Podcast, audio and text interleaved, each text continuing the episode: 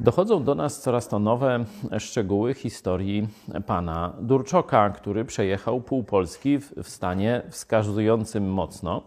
I jeszcze do tego parę innych rzeczy, nagannych w powszechnym rozumieniu, zaliczył po drodze.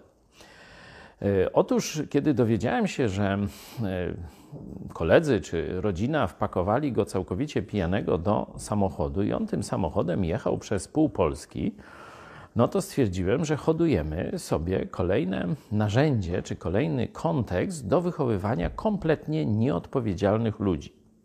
Kiedyś kierowca, no szczególnie jakiegoś tam autobusu i tego, to był za, zawód pewnego zaufania publicznego, że on o 40 osób bierze na pokład i teraz za nich odpowiada. Kierowca samochodu osobowego, no trochę mniej, no ale również ta sama odpowiedzialność za siebie, za swoją rodzinę, za innych kierowców, którzy jadą sprzeciwka. Ogólnie kierowca oznaczało odpowiedzialność. A teraz, kiedy stworzymy samochody, które same będą jechały, bo właśnie dzięki temu półautomatycznemu samochodowi ten całkowicie w sztok zalany człowiek przejechał pół Polski z psem i jeszcze z, z, kimś tam, no już nie wiem do końca, bo to jest troszeczkę owiane tajemnicą, ale zdaje się 20 lat mniej więcej.